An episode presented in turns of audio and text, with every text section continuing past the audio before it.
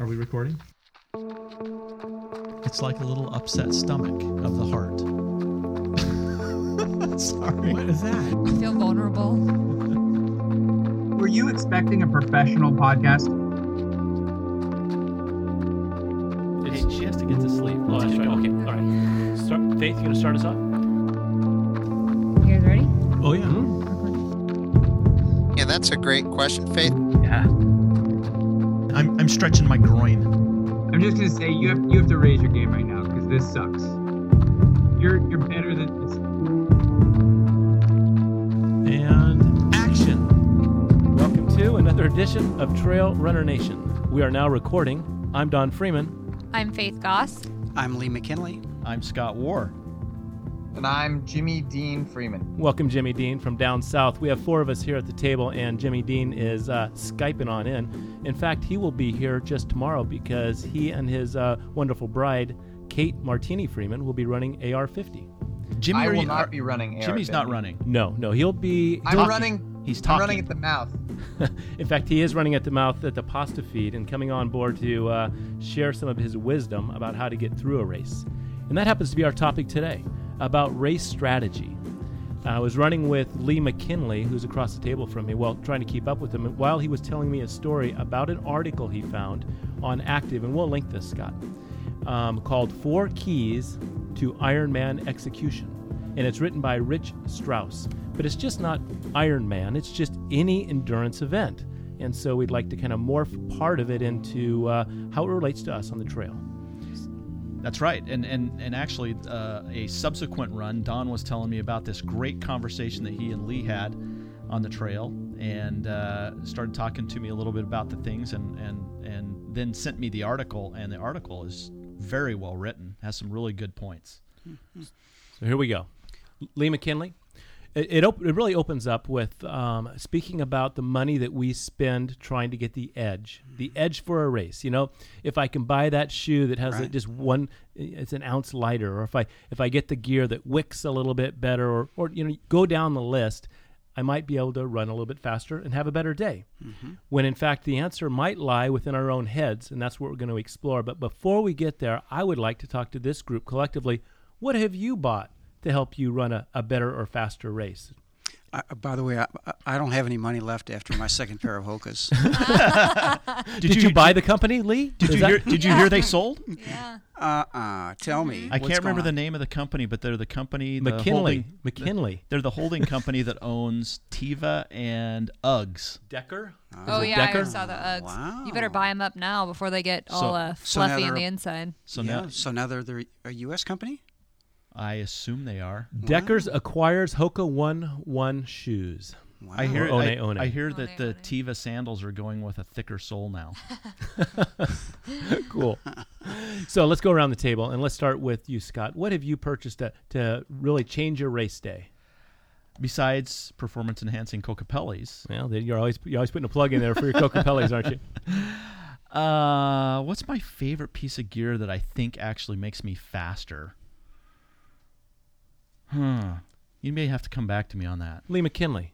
What's in your I- quiver? You know, I, I'm a broken record on this. You know, I converted to the Hokas, and I, and Yeah. that uh, I did buy a pair, uh, something uh, a month or so before uh, Way Too Cool, and so that was uh, that was my my equipment piece of choice. Faith. What makes you fast? I've talked about this in the past. Um, my Garmin. I always race against my Garmin, but Oh, yeah. more often than not, I just don't wear it anymore. But Hmm. Run by feel. All natural. I just my Garmin just messes with my head too much. So I haven't raced without my Garmin yet. But I remember this time before AR50 last year, my Garmin broke, and I was like, I can't start the race without my Garmin. so I overnight shipped it from Amazon because I was so worried I couldn't execute my race without a Garmin. Wow, race execution. That is on the topic today. Jimmy Dean, what are you purchasing down there in Southern California where the coyotes are running wild? The things that are most important to race day execution are uh, body glide, Oh, Does that make you faster uh, though? you a can't. really good pair of 70 style Nike dolphin shorts. Ooh, nice. Mm, I don't know about that. I- Less wind resistance. yeah. Less wind resistance, and when combined with body glide, makes you unstoppable. Mm. True, true. You know, I, I always think that if, it, if it's cold and the weather conditions, I, I need the most expensive jacket available, something good that's supposed to have this special wicking. And I get kind of sucked into that. He If- is proud of his jacket. I do. I'd like my uh, my stimulus from Mountain Hardwear. Yeah. You've heard about that, haven't you? Lee? Oh, you've offered a couple of times. Yeah, yes, I- I, I I can get you a deal, as I recall. I- i- If it's raining, and, and I'll often ask the people I'm, I'm running with, is it wet out? Is it raining? I, I can't recognize it. You know, I, I, I I've come to a decision on on my answer, Yeah. Oh, and it's oh, not good. necessarily gear. What is it? I think for me the and and I and and it, I don't think it's one specific thing, but I always think that there's some kind of nutrition or drink mm. that can make me faster. Um, you know, I, I, I, I right now I love Tailwind Nutrition, and I think that that is the key to my success. Uh, for a while, I thought Succeed tabs. You know, I was I was militant about setting my watch and making sure I was taking a Succeed cap every 20 minutes um, and I'm, I'm finding you know that, that that's not always the case. I mean, w- w- Go ahead, Lee. Well, I was going to say after your podcast the other week uh, about waterlogged, I thought you might say a lack thereof of uh, of, of tailwind. Yeah, you know I've I've slimmed down on the on the the intake ounces. I haven't drank since that podcast. I, like two weeks, two weeks fluid free, baby. You're looking a little uh, translucent. Shriveled up. Yeah. Hey, you know, we we've talked about it before. We've talked about your vehicle. You know, you prepare and you you get ready for a race and you, you do all your things, your core training, your speed work, your endurance work, whatever it might be. You get your weight weight weight race race weight, say that once. Race weight right. And that's your vehicle, and it's time to go out there and now race it. And I've always thought that's a cool way to look at it. You know, what do I have today? What does the course look like? And now how am how am I going to execute?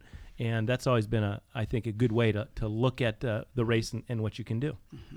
You know, one of the things that caught me uh, that's I think even in the first paragraph of this thing is is basically saying that uh, when it comes down to it, a a successful race is more dependent on your execution than your fitness level. Mm-hmm, That's so true. And, and in fact, that uh, I'm going to go back to Way Too Cool, which is really what sparked me looking up this article. Is that um, I, I recently ran Way Too Cool for the 11th time. And the thing that keeps me going back to it is trying to do better than I did the previous year. And, and I'm all done with, at my age, with trying to run more miles and be faster just based on my engine. So it, it has to come back to another way of getting there, which means the mental side of the race. And that's where we get into this discussion about execution. And, you know, to your point about it, it, you can build the vehicle really well, but then you have to execute race day. So, Well, and I, you know, when I was reading this article, one person came to mind, and that's Julie Fingar, where she can go a very long amount of time keeping her fitness doing other things. She's a yoga fanatic, as mm-hmm. Faith is becoming, mm-hmm. uh-huh. and so she stays fit doing her her yoga and getting some you know shorter miles in. When I say shorter, I mean that's all relative, right?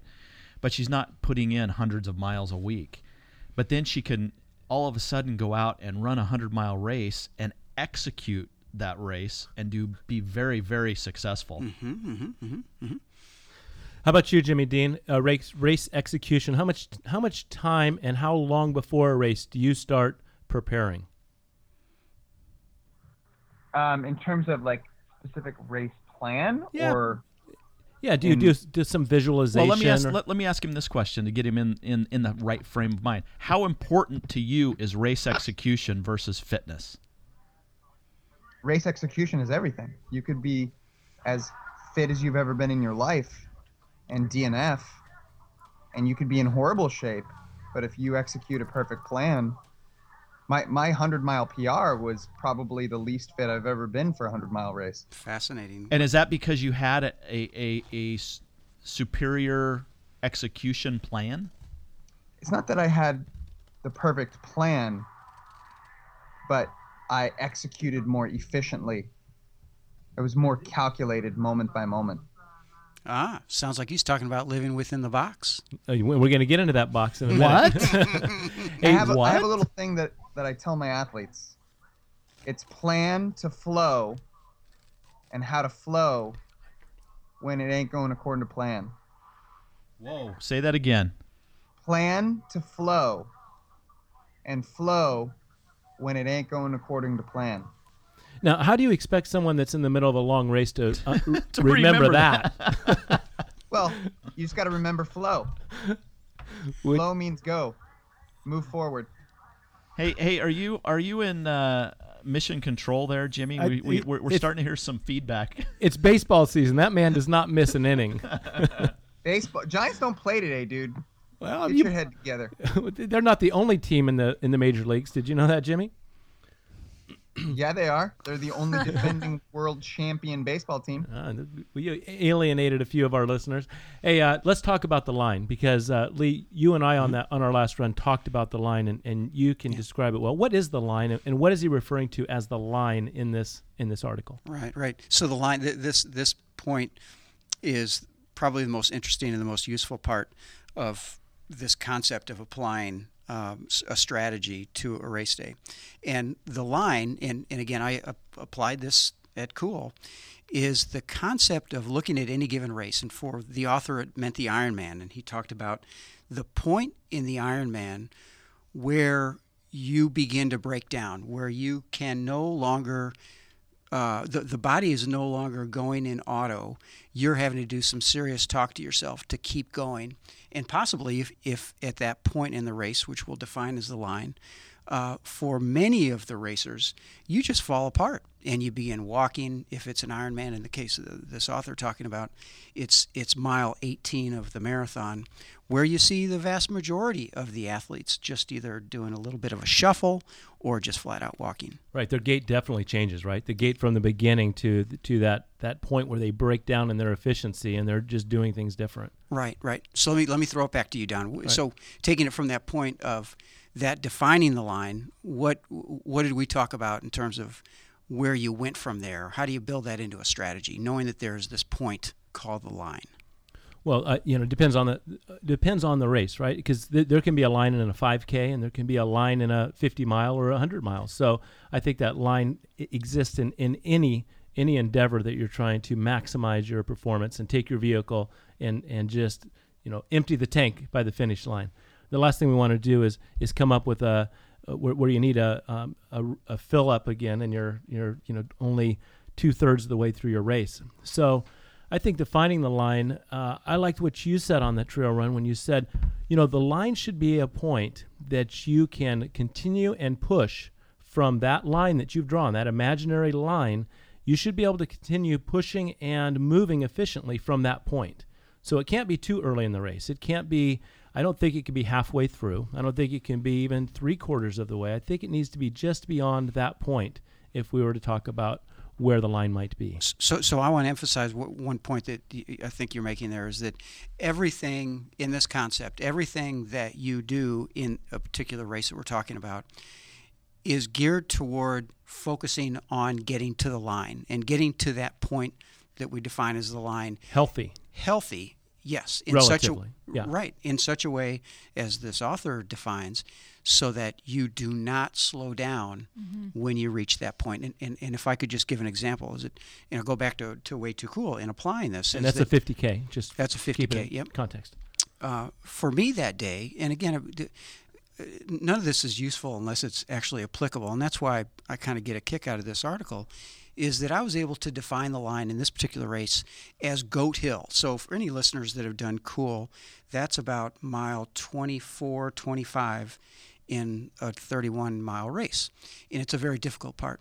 So I defined the line as right there on that hill, and if I could get to that point, if I could save my energies stores up to that point so that I could complete the race after the, this point called the line at mile 24 25 then race day would be considered a success and in hindsight it worked really well because it allowed me in those times early on in the race where I wanted to compete against you know Joe Blow that I didn't even know because he was beating me up a, a a hill at mile 10 Right. I was able to re- I was able to remember the fact that my real objective is to get to the line at mile 25. So does that make sense?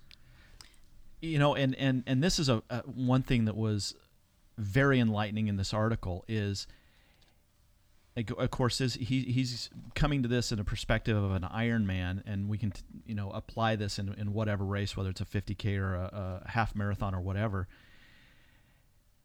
Most people that are on that course, 80, 90% of those people do not have a race strategy. Mm-hmm. And so if you're going out there thinking, I have a race strategy, and you're trying to keep up with someone else that's next to you, or at mile 10, you're trying to go up a hill and somebody that you know you can beat is flying past you, and you're going, that person's not going to beat me, you're not executing your race strategy. You're thinking about that line. Absolutely You're right. thinking about the person next to you, and that's that's very poor planning. So if you think if you go into the race saying 80 to 90 percent of the people that are running this race today do not have an, a, a, a, a good executable plan, or or any executable plan at all. Right? That I'm going to stay within myself and and execute my plan regardless of what's happening around me. When you're defining the line, do you pick a destination? Like for Lee, it was Goat Hill. Like, what if you're going to a destination race where you've never been before? What do you define the line as? Is it, if you don't know the course, you can't say, oh, it's this mile, this hill. Is it just a point you get to in your mind when I start thinking down on myself? That's the line. And I think the point that um, Mr. Strauss makes in this article is that all your training that you do, it'll get you up to the line, but the bulk of your training is most valuable when you hit the line and when you make the decision to keep going forward or that's where your training really matters. So my question would be when you're going to a race that you've never been to the destination, how do you define the line? Yeah, it's a great question. Uh, I'll, I'll take a stab at it. And uh, Jimmy, we got you back on. I think we uh, you slipped off into Skype land for a second. I'm back. Awesome. Okay. Well, you know, the, the races are great as far as uh, having profiles, you know, and, and looking at that profile in the distance. So I would pick that spot. I need to be able to make that climb with something left, you know, wherever that might be. But I would I would make it a a ge- uh, geographical destination more than a mile in a certain point. I would want to see that climb. I need to survive that climb and feel pretty good, so it's it's uh, I'll be ready for the rest of the race. right, and, and maybe more specifically, a, a, an aid station that's near that climb. Yeah. You know, say once I get to that, you know, mile 40 of a 50 mile run, Mm-hmm. if there's an aid station at mile 40, you know that once you get there, you know, it'd be an easy easy thing to uh, to draw you near. So here's a question for you. Let's say that you have pre-race said this is where the line is. During the race, can that line change? again, not not not necessarily being uh, an expert here yet, but I would say that would really work against you. That that that goes back to a point that we're going to discuss later down here. Um, that that one thing, excuse me, that's going to keep you going when things get tough. And when I hear you say that, I think about your things are starting to get tough. So your mind is playing games and saying, or your body's talking to your mind and saying, "Hey, maybe you ought to back off the line and make it a little sooner so that this gets a little easier." Yeah. Isn't it amazing how your mind turns into like a negotiator when you hit the line, like or the the wall or whatever? You're like, well, we made it this far, so we can do this here. But then when we make it to the next point, it's just like it's like a trade off. It's like a game. Yeah. You know, it just hit me. Um, sorry, we need to let Jimmy ch- chime in here, um, but but it just hit me. I remember training um, on a training run with Don, and I it, it's very vivid to me right now, and it just hit me that that, that you can train for the line.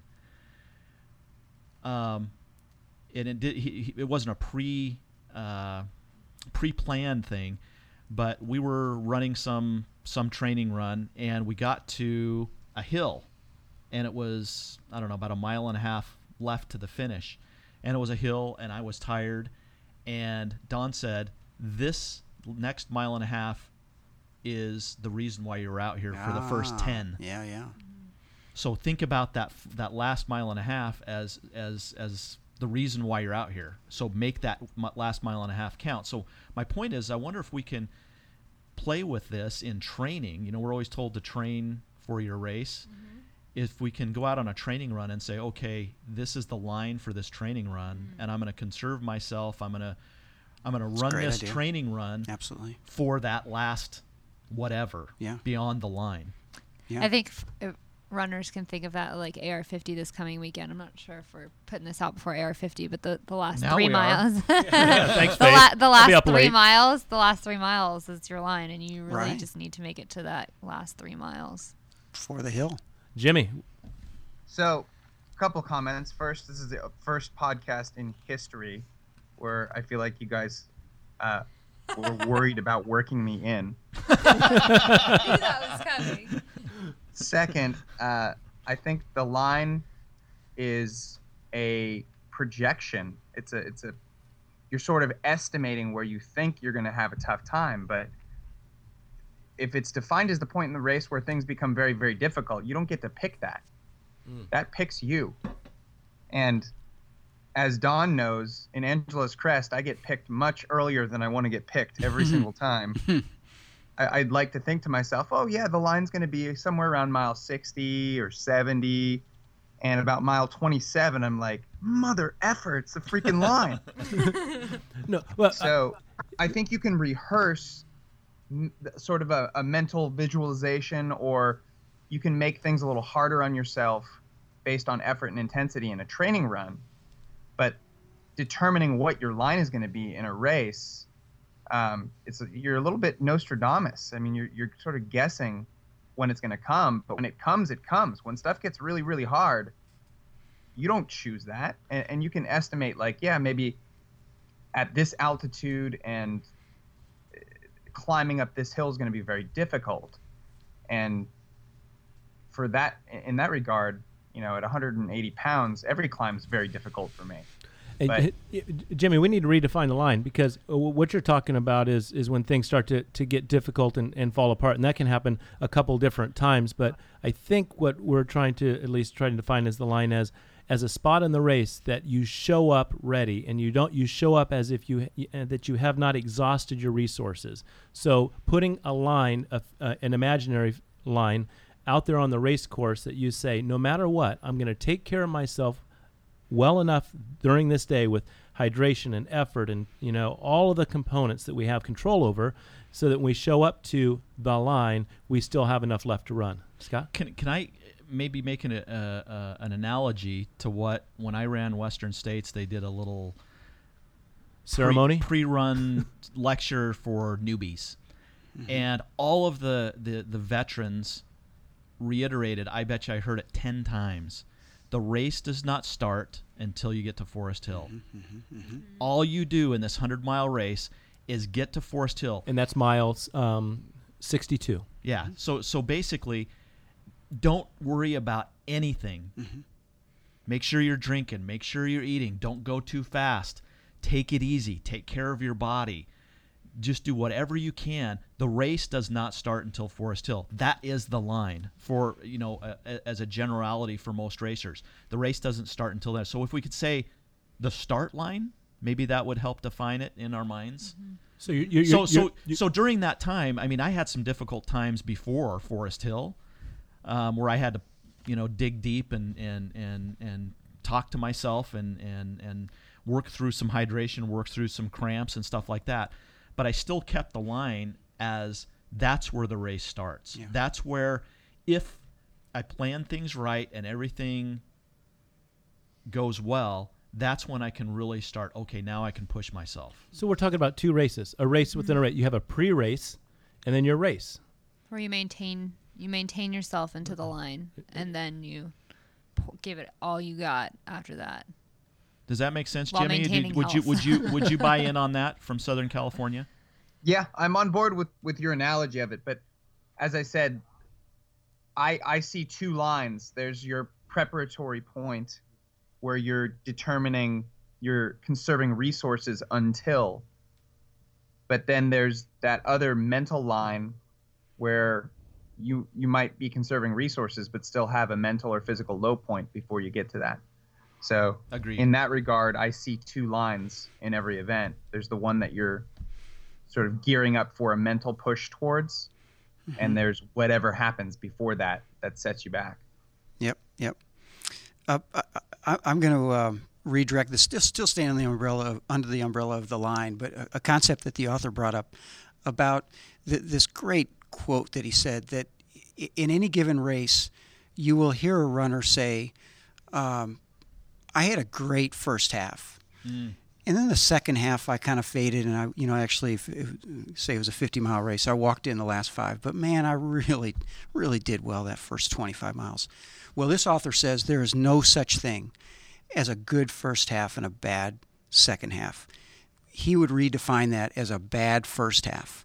And so it goes back to the to tie this back to the line is that if you have appropriately defined the line, that you will make sure that you have a good first half or wherever the line is. Let's say that's three quarters of the way through. You'll have a great first three quarters, and you'll have a good last quarter because you have put all of your effort into getting yourself to the line.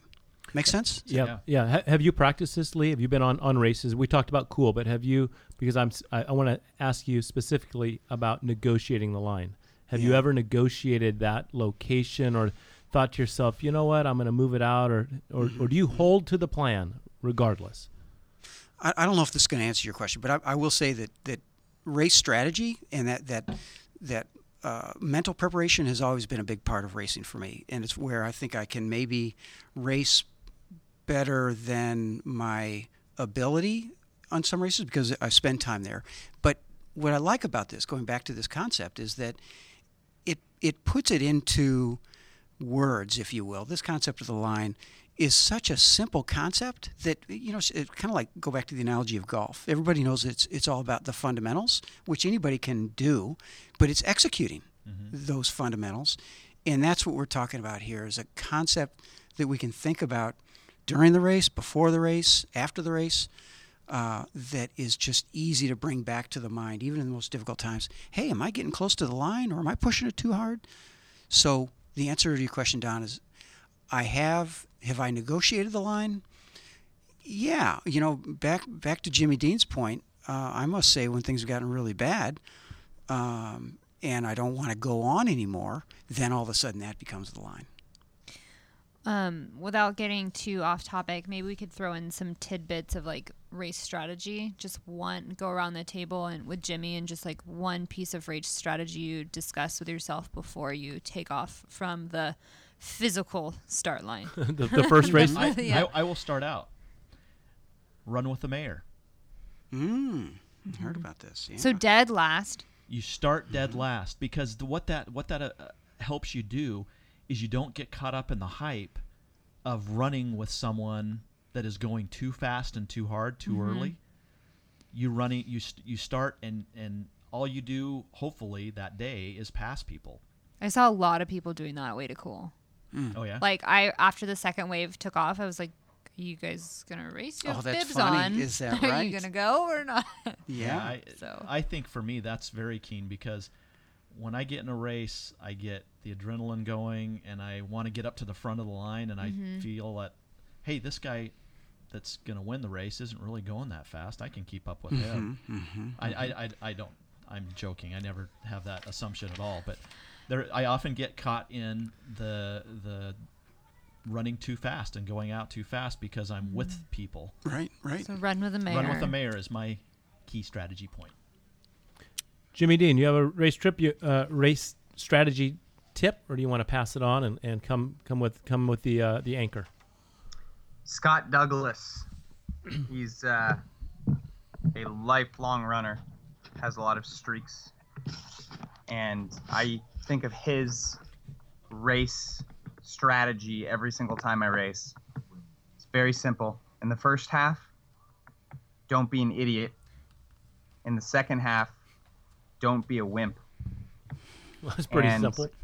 in inside of that my perspective is chosen attitude no matter how things are going i'm going to reframe the suffering and or challenge and or misery of it that it's something i'm inflicting upon myself for sport and i'm going to remind myself that i'm blessed to be able to do what we do and that there's people that would trade places with me in a heartbeat, even in my lowest moment. So, part of my don't be a wimp relates to enjoying even the most difficult moments, to turn the wince into a smile, even if they look like the same thing. I don't know if mine's really a race strategy, but I think it plays very much directly off what Jimmy just said. That I know when I'm going through it during a during a race, I know I'm gonna wake up tomorrow and I'm gonna be alive and I'm gonna be able to do whatever I want to do tomorrow, and this is just temporary, and mm-hmm. that mm-hmm. gets me through. It's like I know I'll be here tomorrow. I just need to get through this right now. Mm-hmm. I don't know if that's a race strategy, but it just reminded me what Jimmy said is that I know that tomorrow I'll be fine. Yeah. You know, I'll wake up at home doing my Maybe so- normal routine. Maybe sore. Right, but I'll be back to my normal routine tomorrow. I'm going to get through this. It's not like I'm going to be in this spot forever. So, I think it's a good strategy if it if it gets you through that that Yeah. point. because Yeah. I know I have to get walk to the car, run to the car, get back to the car somewhere to get to my normalcy tomorrow. My, my race strategy really comes. It came as an epiphany last year, and it was on at, at uh, Angeles Crest, and it was at the first, you know, ten percent of the race. And I thought to myself, "Man, I'm moving too slow. I need to get around this person, right?" Uh, Which was the last thing I needed to do. But I, and I, th- but then I, I redirected that thought, and I've shared this on the podcast before, but I, I think worth repeating. I thought to myself, if I'm moving like this at this pace during the last ten percent, I will be I would be ecstatic. I would be so happy. Isn't that interesting? So why Yeah. am I trading that? So I start to look at the beginning of the race as if I'm moving like this at the end, I'm having the day of my life. Yeah. So I better just be happy with what I'm doing right now. So your strategy is to visualize yourself and pace yourself so that you're running strong after the line. My strategy is when the guy in front of me says, "You want around me?" I say, "Oh no, I'm fine right here. This is the perfect pace." Mm-hmm, that's that's what I, that's my strategy. I'm good, thanks. You're setting a perfect pace for me. the commonalities before we go to lead, the commonalities I'm seeing between the last three comments, my, Jimmy, myself, and you is Mm-hmm. being in the moment during a race, handling like what's going on with right, you right now. Uh-huh, yeah, That's just I just noticed that. Yeah. Well, in And the moment, go ahead, And Scott. not not to postpone Lee's comment because I think it's going to be a doozy. Um, I'm hoping it will. I'm going to. Google doozy. is is the author of this article talks about if you know you can ride your bike at this pace mm-hmm. and do well at that pace that before the line you should back that off 10% or 20% or whatever mm-hmm. Mm-hmm. so that the, that that's his strategy is you know you can go out and you can ride at this pace or let's let's take it back into running you know that you can run at a let's say a 10 minute mile pace for a long time mm-hmm, mm-hmm. in a race maybe before that line before you hit that line back that off 10% All right. and take it easy Yep. Yep. Lee, Well, now that I've been appropriately set up, as though I'm going to have something really Better be a great. doozy. Yeah, boy. Um, I, I think I go back to early on in my running career. Uh, a friend, a running friend of mine, told me that if you can just when you're in that suffering, so I'm talking about that moment of the race where you're just suffering, and so this may be pertinent to some of the longer races, but w- where you you just are are totally believing that you're never going to get out of it, that it's that bad, that if you can tell yourself at that moment that it's going to get better and that this is temporary, then, it, you know, again, I guess it's mind over matter, but it may take a little while, but eventually you pull out of it. And I've had races where I'm like two different people, where I'll get, you know, things will get so low. And then if I just hang in there, you know, maybe 30 minutes later, I'm like dancing, you know, I'm dancing down the trail. So you were on anyway. a cot, literally on a cot, with your crew saying, "I think he's done. I, I, I think we should pack up." That's right. and that motivated Crest. you. I'll tell your story, Lee. You just you just hold on. Go ahead, go, go, go. That's a great story. no, and, and, and his his crew had had uh, called the race for him, and that he said, "No way, I'm getting up, I'm going," and you did, and that motivated you. You let, me, let me paint that picture. So I'm on the cot with uh, with the sleeping bag over me, with my eyes closed, and they my crew was standing over me, thinking that I was either passed out or sound asleep, but you know somewhere in between. And I could hear them having that discussion, just like Don said. They said, "Well, let's let's pack up. It's clear clear that he's not getting out of the cot."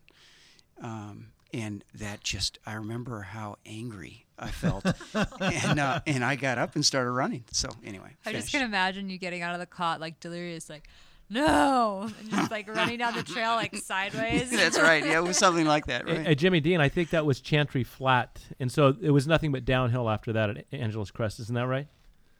Yeah, from Chantry, there's no climbing at all, other than a really small climb of about 3,000 feet, uh, five and a half miles out of Chantry, and then then then it's pretty much downhill the rest of the way after there. That except for this four mile climb out of uh, Idlehour Canyon. That uh, is the perfect place to hallucinate that you're at the aid station when you're about a mile into that four mile climb. Oh, you remember it well. I like that. You know, um, you know, Lee said something that is is it builds confidence in ultra runners. The more they race, or more they train, or the more they talk to experienced runners, is exactly what Lee said. How many times have you ever heard a racer say that it's gotten so bad that it's not going to stop? Mm-hmm. It mm-hmm. always gets better mm-hmm. after a, a, a, a bad spot. And I think that it, it- you know, people that have run enough ultras or um, these endurance events know that that's the case, and and and that gives you confidence to pull out of mm. those. Is that you know, you know what, I'm in a bad spot right now. I'm cramping. You know, I'm throwing my guts out. But you know what? In five miles, I'll be better. Mm-hmm. Mm-hmm. And so you just keep plugging along until you get to that five mile mark where you're feeling better. Are we ready to get into the box? Yeah. All right. So so So the, we're supposed to think out of the box. Mm-hmm. well it, it you you may have to in the in the marketing department, but in the ultra running department, You you, clearly want to stay in the box. And so, what What is is the box? the box, Lee McKinley? So, so this is a, a third concept uh, created by this this author, and, and, and the, the box is defined as uh, what you can control at a given point in the race. Um, so, a question you might ask yourself to to stay in the box during a race is, what do I need to do right now to ensure success when I get to the line? That's one of the quotes that he gives. So, rather than and, and let me let me analogize that to a 50 mile run. Um, if you're at mile 10 in the 50 mile run, instead of thinking about what you're going to do at mile 45, you focus on just what's happening right now between now and, say, the next aid station, and what things you can do to take care of yourself, whether that be pace, taking in the fluids, or in Scott's case, not drinking at all.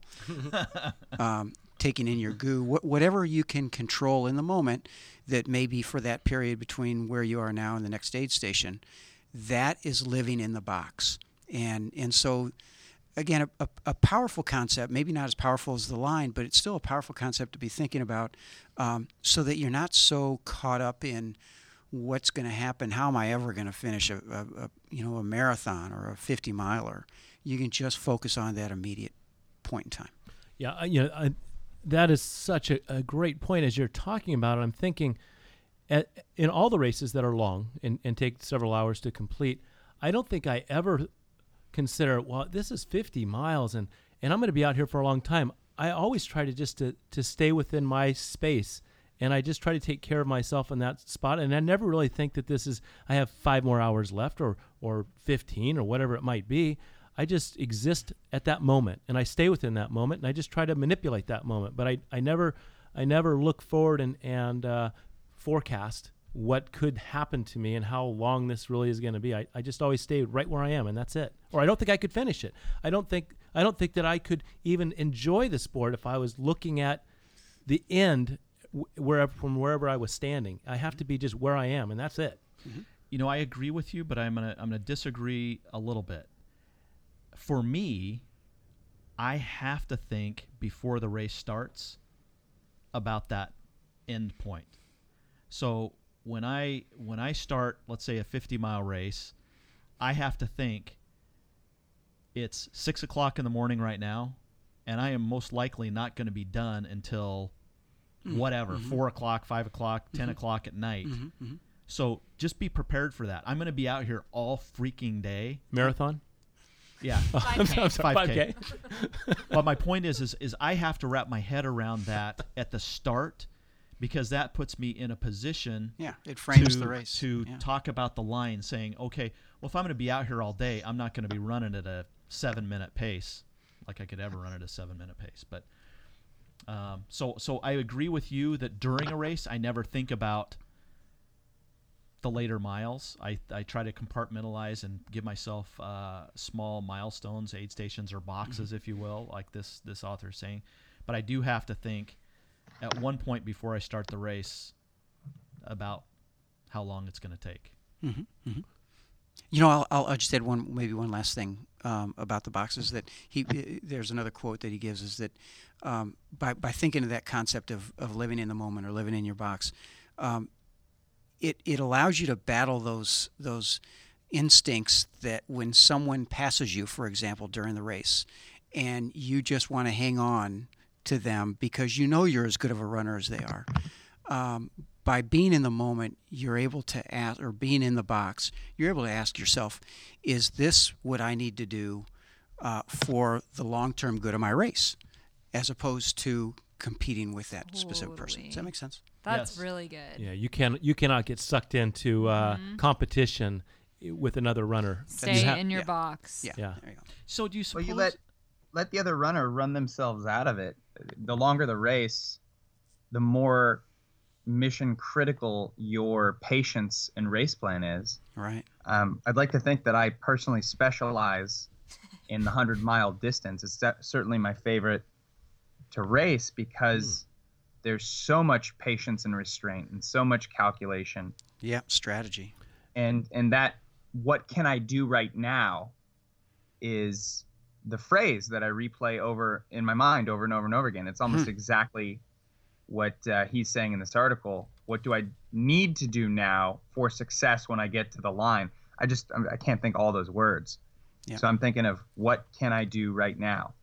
And the second half of that sentence for me is what can I do right now to improve my situation? So even if I'm doing well, it's sort of capitalizing on that flow. And if I'm not doing well, it's to correct whatever's going wrong. So what can I do right now? What can I do right now?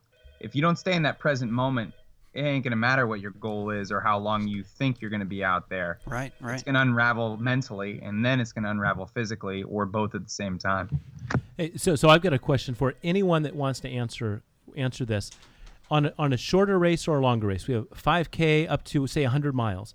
Is your box bigger or smaller with the longer race? Does that make sense? And if, if that doesn't make sense, let's just avoid the question entirely. But I think it makes sense. So if, I, if I'm the only guy answering I might I might just answer it. Don, why don't you answer that one? All right. Okay. Well, is it more important to stay and, and keep your margins very close in, in a in a longer race? I, I think that it's more mission critical to use your terminology, not to uh, um, not to get outside of your own personal ranges. I think in a 5K or a 10K you can you can manage that. I think you can cripple yourself if the race is too long. Take yourself out entirely. So you got to watch it close. You don't agree? That's good. I, I, I would say it's easy to go aid station to aid station for your boxes. So wherever the aid stations are, you know that's that that's where, where I would say is your box, unless you know the course really well, where you can use geographic. No, box is your space, your ability, your Mhm. physiological um, space, your You stay. your heart rate, your your Oh, sweat oh, rate, we're your fluid. We're not talking about talking a, a geological. your Well, box it- as a machine. You Yeah. are the machine within the box. Your Self-contained unit. operating system. But but but but no no your your analogy still applies. Yeah, he so talks there. about that Yeah. the physical box too. That, that your your mental focus exists from in your your example. Your mental focus exists right now from one aid station to another, and that is your box, your mental Hmm. box. Okay. For you, Scott, the box can be whatever you want it to be. Oh, how Yeah. sweet! You know, it's nice that Faith is back. you know, I, I uh, maybe to. I don't know if this a rep- if this applies to the box or the line or whatever, but I remembered. Whatever. Four lines equals a box. I don't, I, don't, I don't care if it even relates to what we're talking about, but I'm going to say it anyway. yeah, yeah. Um, you know, you were telling me one time, I think it was you, you were running with Gordy Ainsleigh. And it was the beginning of the race, and you were way back in the pack, and you were going, kind of going slow. Was this this? Was this? I- you I- remember I- the story? If I don't like where it's going, you I'll know, let you know. maybe it's something I dreamt, but but you You're were dreaming thinking, about Gordy and Don together. Oh boy, this podcast almost over. no, it's not even recording. This is warm up. Oh, um, the, the the story that I remember is uh, you saying to Gordy, Yeah. "Hey, listen, we better pick it up. we're we're behind, and Gordy says, "Oh no, we're we're right where we need to be. We're right Yeah. where we need to be." I'll, I'll, I'll, I'll take credit for that. so that's Sounds kind good. of the yeah. box. Mm-hmm. Jimmy, tell us about your box. Jimmy, You- you- He's you know- laughing. You know, I, I, I, oh, I can't even I can't even respond to that appropriately, so I had to mute myself. we, you were censored. I censored myself. I said something, but I muted it first. So so tell us about your your proverbial box on the on the trail run when things get tough.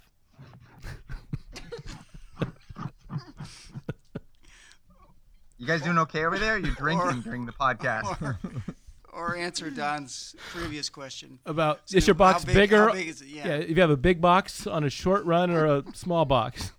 Can I? Um, can I try to? To go- me, yeah, to me, the the present moment is the present moment. There, it doesn't matter how long the race is.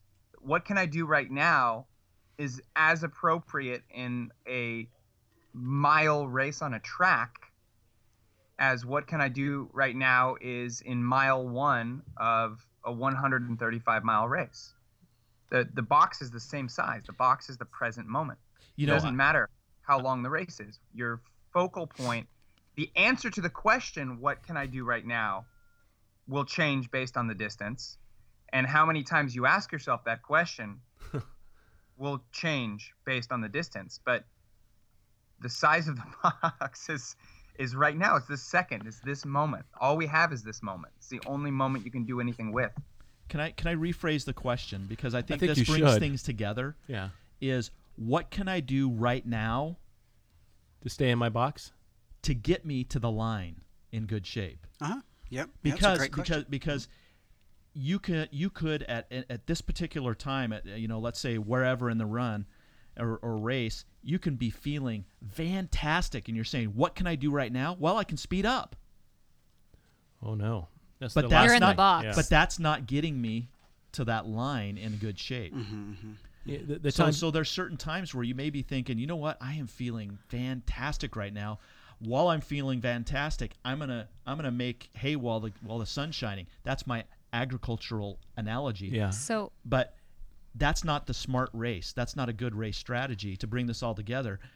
What can I do right now in the box that I'm in mm-hmm. that will help me get to the line in good shape? Mm-hmm. The- the- So what you're also saying is there's some things that you really shouldn't have in your box.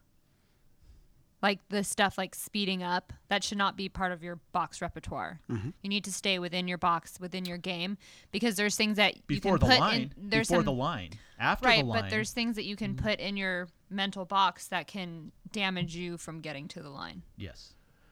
Yeah. So to your point of when you're feeling great at mile, whatever it might be, and and I don't think I need to speed up. I think to myself, how in the heck am I going to hold on to this? What can I do? And that's the time when focus becomes so key. And if you can get lost in that focus, you can lose some miles and you can lose some time. If you really get inside of your head and think, I've got to preserve this, and that hill can't take it away from me, and I need to make sure my water is just right, and trying to hold that edge, mm-hmm. that very spot, how great you feel, how long can I keep this? Mm-hmm. It's mm-hmm. like it's like holding a bubble as a kid on your hand. How long is this thing going to last? You know it's going to pop, and you just hope there isn't a breeze that comes up or your or your your cousin to Well, smash your bubble. And and one thing that, that I've learned from you, Don, is Only one is- thing, Scott, only one thing is well in the Gordy story. Um, which wasn't even true. is is one thing that you do extremely well, or at least you tell me that you do extremely well. Yeah. Is while you're in that that that moment, you take inventory. Mm-hmm. How are my feet doing? How's my hydration? How is my sweat rate? And and that's something that, that I've learned from you is that's something that you can get your mind away from the pain necessarily, you know, and start, you know, playing that game, that mind game. Let's take inventory. What are things that are going well, and how can I right now? What can I do right now to improve each of those components? So I'll, I'll open this up to the table because I've observed this, and I, I'd like to get your, your you guys your comments, and, and you too, Jimmy. Are you still with us? Good. Yes, Um, sir.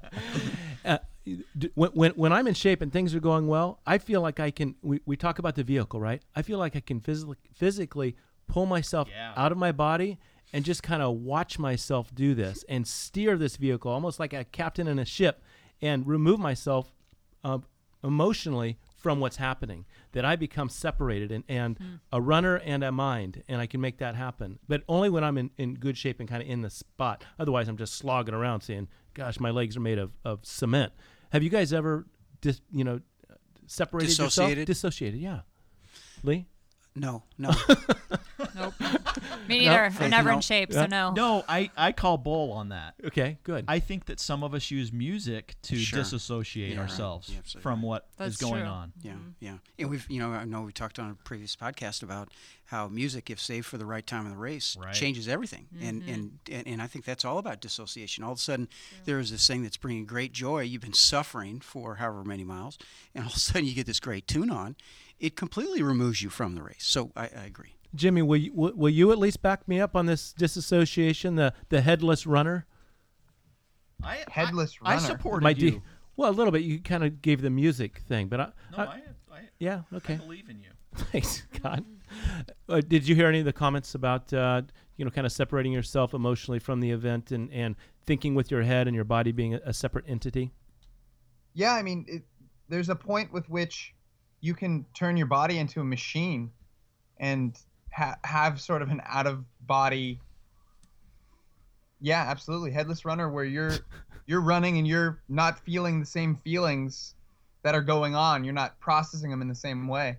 You know, I, I'm going to have I, to. although I'm I'm going with Lee on the music thing because in the longer races I wait until I start to have problems and then throw the music in and it makes it a little bit easier to mm-hmm. disassociate from that pain.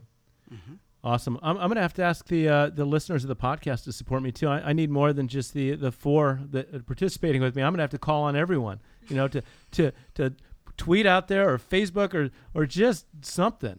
You know, just say something to somebody that's on the trail you don't even know. You know, Don has a point. Maybe the mind that's outside of your body could support you. I might talk to that. That's fun, Your Scott. alter ego. That's good. All right. Hey, okay, so so I, I just had something pop in my mind. How important is it, mm-hmm. if at all, mm-hmm. and I have my opinion, but I'm not going to share it with you yet, that once you have this good strategy, once you know where you have set the line, mm-hmm. once you know kind of you know where you are as as far as putting yourself in the in the box, do you share that with your crew and your pacer? Or the line, I think. I think you can you can uh, hold accountable to the line, saying I will be good at this point. I think that's good. But the box is very personal, and you're just in it as you're on it. You know. And by the way, that was the first question. When, when, after I read this article, the first question was when I happened to run with Don was, "Where's your line at Western States?" Being his pacer, um, I wanted to know um, coming up The here next escarpment. June. yeah, escarpment. Yeah, long before I see. Which Four- is four- which is mile what? Uh, Four point five. I want to show up there in good shape. Okay, so now I, I have a question. I ask you, Lee, on that trail run, and we have one other section to cover here. But but before we get to that, and this is to you as well, Jimmy. And and I told Scott I was going to ask him a question, but I wasn't going to tell you what it was. Oh, jeez. You can you you can have at race day, race morning, you have a chip. And you know, like the uh, what's that show where you buy a vowel or a consonant? That's uh, Wheel, Wheel of of Fortune. Fortune. Wheel of Fortune. You have the ability to buy either 10% more mental capacity and strength and perseverance and all the things that go that our minds are capable, or 10% more physical ability. You only get one. You can't split it, Scott. I see you going five percent, No, five no, percent. no. I, I already have my answer. I, Well, thi- I let's think start this with is a stupid question. Ooh. That hurt. Ouch. That hurt. Because I'm trying my best to come up with a good question. Scotty, Scotty, there Yeah. are no stupid questions, Thank only you. stupid people. I, I thought you were going to say Coming. stupid answers, and I was going to say, well, here's mine. Okay, I'm ready. It's all mental. Of course, I would always take the mental edge. Always. Okay. Jimmy Dean, Mental, mental. You going mental strength? Okay. Hun- 100% mental. If I have that choice a 100 times, I pick mental. We know you're times. mental. That's why you make such a good uh, guest host. How, how could we bring this topic to the table and then say that it's that we take 10% physical? This is all about mental. Yeah. Yeah. Touche. All right. Well, that was a great question. Sometimes and- I and- only and- bring 10% physical. Well, and you and you've ten percent all the time. and we've talked about that in, in in previous podcasts, Jimmy. You said, and you you actually brought it up. I think at the beginning of this podcast, your best hundred mile PR was when you weren't as in shape mm-hmm. physically as you had prepared yourself for other other races, and you relied on the mental, and that's when you had your best races. It was also the only hundred miler I've ever done that wasn't a mountain race. Hmm. Hey, Well, way to, way to wreck the Casually- story. I Thanks. failed to mention it was also the fastest course I've run. Can we can we edit that? no. But y- y- yeah, so mental goes a couple places. Mental goes to toughness, right? And then mental goes to strategy and, and the ability to manipulate the things that are going on. So there's there's just the being tough. Mm-hmm. That's a mental side, but there's also being smart. Yep. So there's you know there's two mentals. Okay, so let, let me recap. This this article talks about four things. We, we haven't done four yet. Right. We're We've on talked four. about the the three. One is uh, that that that the uh, Execution. uh, execution is Over more fitness. important than than fitness. fitness. right. Number two is the line. Number three is the box, and number four is The one thing. The thing. one thing. what is the one thing? Faith. Did I put you on the spot? Yeah. Uh, then pass it over. Go ahead, Lee. Lee, what's the one thing? Sure. And, Lee and this this. actually where uh, I can define it, but I'll, I'm going to pass on defining the one thing for me. But the one thing is the concept here is that when you reach that point in the race where things get super ugly uh, and your body is talking to your mind and saying, you know what, maybe it's time to call it a day. Mm. And boy, I tell you, I have seen it so many times where I'll see a, a friend or just a, a runner in a race where I see they bail on the race, and I'm thinking they're going to really regret this tomorrow. And it is that, and I'm going to go with that example that that runner, that runner that gives up, has failed to create the one thing that keeps them going when things get ugly. And that's what this is all about. It's real simple. What is the one thing that you keep in mind? Whether it could be your family, it could be uh, as simple as that you want to set a PR or go under a certain time. That one thing that when things get super ugly, you're going to hang on to, uh, you know, until you're on death's bed before you quit. Nice. Round table. The one, what's our one thing? Is that what the, the round table is? Jimmy Dean, what's your one thing? My my one thing varies from race to race, but Mhm. for the most part, it's being able to walk away from a, an event knowing that I gave it my best, and what that means to me is sort of representing all the hard work that I've done in training. You know, the the race day is sort of a celebration of our ability. It's a celebration of our um, talent. It's a celebration of sort of the community that we've been a part of in ultra running. And whether it's going good or bad, whether I'm going to set a personal best or set a personal best in the amount of time that I spend out there, um, I want to walk away from it sort of feeling proud that I dug through some of the tough moments. So my my one thing is basically, you know, giving my best. Mhm. Yep. My one thing, I think I agree with Jimmy that it definitely changes race to race, but for the most part, it's thinking about all the time that I gave up with my family and friends to train for this event, Ah, and by not finishing or s- whatever happens out there, getting down on myself. It's just I spent so much time getting to where I am right now. I can't not finish. great one, great one. I'll, I'll tell you the one that that's, that I use almost every race when it gets ugly. So when that point comes where I think I need that one thing, and it's it's r- reminding myself that the short-term pain of continuing on is significantly, is exponentially less painful than the long-term consequences of not finishing that race. In other words, it goes back to the day after, and the day after that, and the week after that. The uh, when people ask you about the race, well, you know, I dropped, you know, about halfway through because I wasn't feeling so hot at that moment. I think I think it's a good time to probably talk. There are times to drop, right? If you have an aid station captain or a medical advisor that says, "Hey, you know, you are jacked up and you need to stop because this is not going to benefit you at all." That's that's uh, that's advice you should listen Or to. cause permanent damage. Yeah, or listen, and even a fellow runner will might have quite a bit of some good advice for you because they won't, uh, they don't feel your pain, and they're not gonna, they're not gonna accept an excuse of weakness, but they will look at you physiologically and say, ah. So I think there are times that it's okay to cut your band and and take a seat. There are times. Don't use the word band when talking about running. IT band, Oh, I'm sorry. Ah, hamstring. got it, got it, got it. What's yours? Well, I think for me is I, I'm I'm afraid to uh, well two things. One one thing I, I didn't even consider, but I was frantically looking for my one thing. I'm thinking, uh, you know, what is it? As as Faith was talking, and and I thought I've watched other people go through some pretty tough times, and pull out of it. And I think their example of pulling out of it may, has made me a better runner. Not So- pulling out of the race, pulling out of the bad spot. pulling out of the bad spot. Thanks, Scott. Yeah, I, th- I think watching someone go through it and then come back and pass me later gave me inspiration mm-hmm. and, and mm-hmm. helped me. And I think that's a good service to to other runners. And so I think it's good to to make it through it and push through it. The other thing I think I just have a fear of quitting. You know, I, I struggle with that sometimes growing up. Of if we weren't, you know, I didn't want to complete something, and you know, I was told I shouldn't be a quitter, and and so I think I probably run some of these things to relearn that lesson over and over. Sometimes we go back to our youth, right? So It's very personal, isn't Yeah, it? yeah, it That- is. That, that one uh, thing do is not very want to personal. do want to be a quitter. Yeah. Scott, what's your one thing? You know, we've we've talked about this before. I there's there's I have two. One is um, I want to set an example for my kids. Yeah, Mhm. yeah. That Good you one. set a goal, you should complete it. hmm And number two is um, the r- guy who got me into this sport uh, can't run anymore. Uh-huh. Uh, he's he's uh, been diagnosed with cancer, and he's Mm-hmm. gone through many struggles physically and mentally. And uh, more than anybody I know, he enjoyed trail running Right. and he can't do it. And and I think about that. I think he would trade anything to be in my place Yeah. to finish this race. That's powerful. And so I think I got to finish because of that. right. That's great. Well, I think we covered. Uh, we got Jimmy's one thing. Yes, we did. So I think we covered some good spots here. I think. I think it. Yeah. There, there are some. Uh, So def- so recap. Do a summary, Don.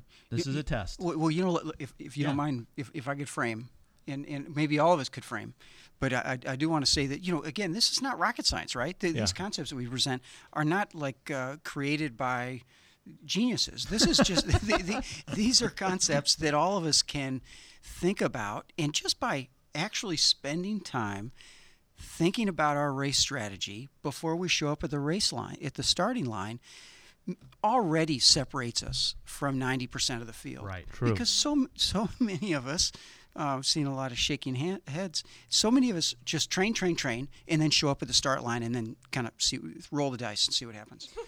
uh, by by whether it's this plan or another plan that you have, it, it, it justifies spending time before the race building a strategy, and, and this one happens to frame it all in such a way that it's easy to remember.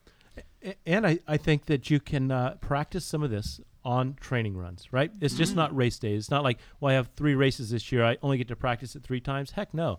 This can be practiced in, you know, every training run. You, sh- you can Darn have your line and you can make that up and you can do all kinds of things. So practice uh, during your training runs. Well, I think it's something also if uh, from my ski career uh, was visualization. I don't think it's a bad idea, um, you know, to lay down at night and and visualize the race and say, okay, this is the line, and visualize yourself getting to that line in good shape, Yeah, yeah. and then having the last whatever after the line the best race of the of, of your your career There you go. Mm-hmm. and thinking about the box and thinking about what's going to happen when you do hit a bad spot. How are you going to get out of it? Mm-hmm. What's going to happen if I get a cramp? What am I going to do? Mm-hmm. I think visualization is very powerful. Hmm. I might start drinking water again. It may be you good look for like you. you need some water. Faith, do you have any recap? Do you have any uh, parting thoughts? And then Jimmy, then off, back to you. I think I agree with what I think. What did you say? So many times we we train so hard and we we show up for a race and just kind of roll the dice, and I think I do that like every single time. so for my next race, I'm going to do this. I'm gonna practice. This is really an Very cool. intervention, Faith. This is all about Yeah, you. This, this isn't is- even recording right now. I may race in a week. I may race in a week, so I need to get on Ah. this. Jimmy Dean, who is going to be speaking tomorrow as the uh, featured speaker at the uh, uh, the glorious pasta feed before American River 50, and he's going to be sharing with all of us in attendance. Is he going to plagiarize this whole podcast? I hope he does. Um, he, he's going to share. That would with- mean that I have to download it and listen to it on the way up there. he's going to play. He's going to play. He's he's going to speak to the listeners there on, on how to be strategic and how, how to be tough and how to persevere.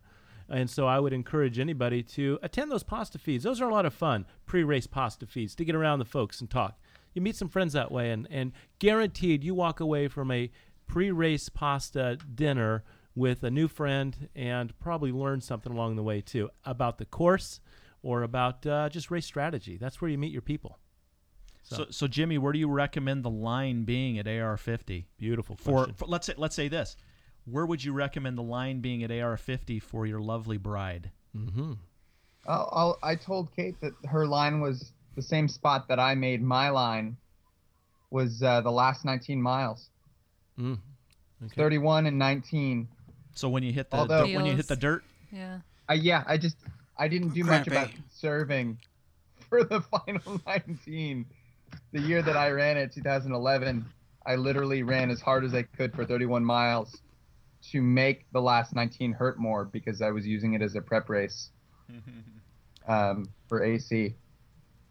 Hey, you ran that thing in 707. I mean, man was moving, Lee. Wow. Wow. So very good. Well, we appreciate uh, we appreciate the author uh, Rick Strauss, and uh, we're gonna Strauss. Strauss Strauss. Strauss. He probably won't. Strauss. Strauss. No, there's no R. S T Rick S T A U S S from active.com. And we'll- Four keys to race day execution. Wait, there's an R in there. S T R. Well, whoever A U S S. copied it Strauss. mis- t- typed it. Well, Well, okay, we'll fi- we'll settle this after the podcast, but we'll link the actual article. I'm actual responsible article. for all the above. We will link it's the actual rich. article. It's rich. It is Rich. It's not Rick. oh, th- he won't. He won't listen to this. Um, he, he's he's a he's an Iron Man. They don't. triathlete. Yeah, they Yeah, don't listen yeah. to Don't this listen kind to this stuff. He's crap. out training. Yeah, He's out buying a new bike. He's got three disciplines. so uh, go out and run Moss. But before we say that, we go to TR Nation. That's our Twitter, right? If you want to go to Facebook, you go over there. And we also have a presence on the web. Jimmy Dean, how do we find you? Because I've just told you how to find us. Uh, Twitter, I'm at Coach Jimmy Dean. Um, Facebook, just look at your news feed. I'm gonna pop up there somehow. And uh, SoCalCoyotes.com. You're, you're still uh, running some Thursday morning runs, getting people out there in your uh, your concrete jungle out on the no trail. concrete. They're There's up in no- the we We were out there Out- this morning. out of the We concrete had a- jungle. We even had an Easter egg Easter egg hunt on our run today. Nice. Aw, I want to play. I missed. Go out and run. Wait, What? I want to say it's the beginning of the uh, race season. People need to go on to uh, trailrunnernation.com and buy themselves some performance enhancing Cocapellas. They have been pre programmed with race strategy built in.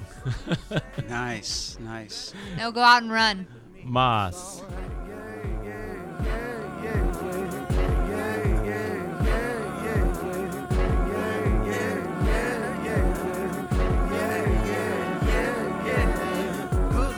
You got body for days. I think the way that you shake it's amazing. I got my keys if you ready to leave. It's alright with me. Now check your man cause he going insane. You wanna know what the hell's my name? Now if he crazy enough to get in my face, it's alright with me.